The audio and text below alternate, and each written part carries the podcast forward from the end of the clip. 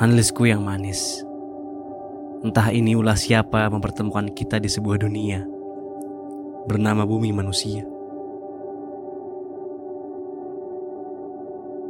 Entah sihir siapa yang mampu menjadikan kefanaan ini begitu indah jika dikaji, begitu manis jika dicicipi. Entah kenapa anugerah itu datang kepadaku.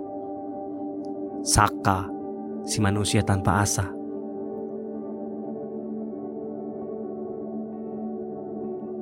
Banyak manusia lain selainku yang patut merasakan ini. Mencintai seorang perempuan Jawa yang anggun dan cantik. Seperti keturunan kerajaan, tapi bukan. Kamu hanya anak dari seorang penjual rujak cingur di Sedati Gede, Surabaya. Aku tak peduli sejujurnya. Mau kau anak tukang rujak, sate, getuk, rawon, tahu campur, apa pun itu, kau tetap terjaga di dalam pandanganku. Berkatmu, aku jadi suka rujak cingur. aku sengaja makan itu hampir setiap hari. Buang-buang uang, waktu, dan mungkin tenaga untuk menyukai apa yang paling tidak aku sukai. Tapi demi membuatku lebih hidup, aku rela. Dunia ini selalu menagih sebuah pengorbanan analis dan itu punya aku.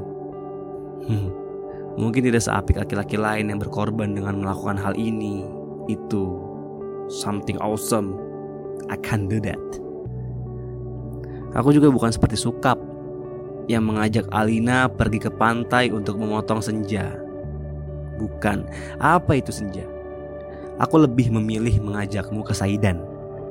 Tepat di bawah jembatan di sebuah kota istimewa milik sang raja.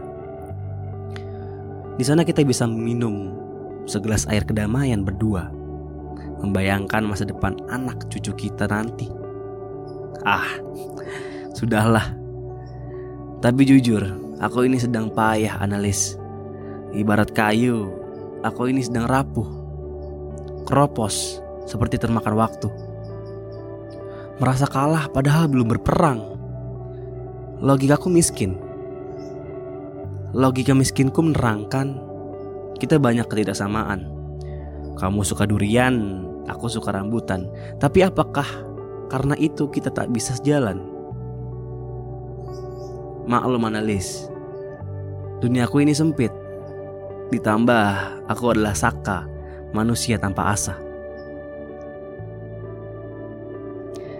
Andai saja ada yang menjual keberanian dan harapan di jalan-jalan di trotoar, di pasar swalayan atau tradisional.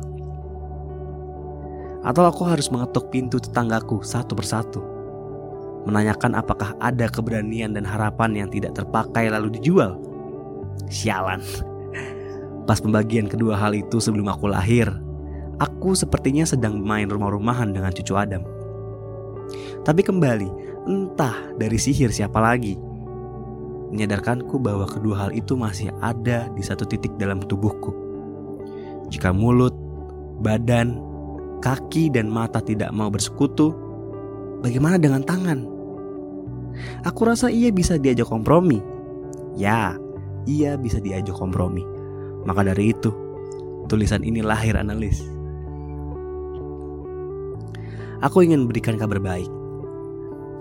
Entah untukmu ini baik atau bukan, tapi bagiku iya.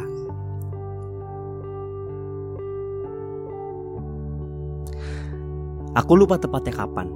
Pada hari itu aku memutuskan untuk jatuh cinta kepadamu analis. Aku sudah biarkan logika dan perasaanku menyatu dan itu hasilnya. Semesta membiarkanku jatuh cinta. Kau pernah dengar cerita Pujangga lama? Jatuh cinta memang selalu tak sengaja jatuh di tanah Surabaya, analis. Analisku yang manis, analisku yang sendu. Setelah kau temukan surat ini tepat di piring rujak cingurku, aku menunggu lekas jawabanmu.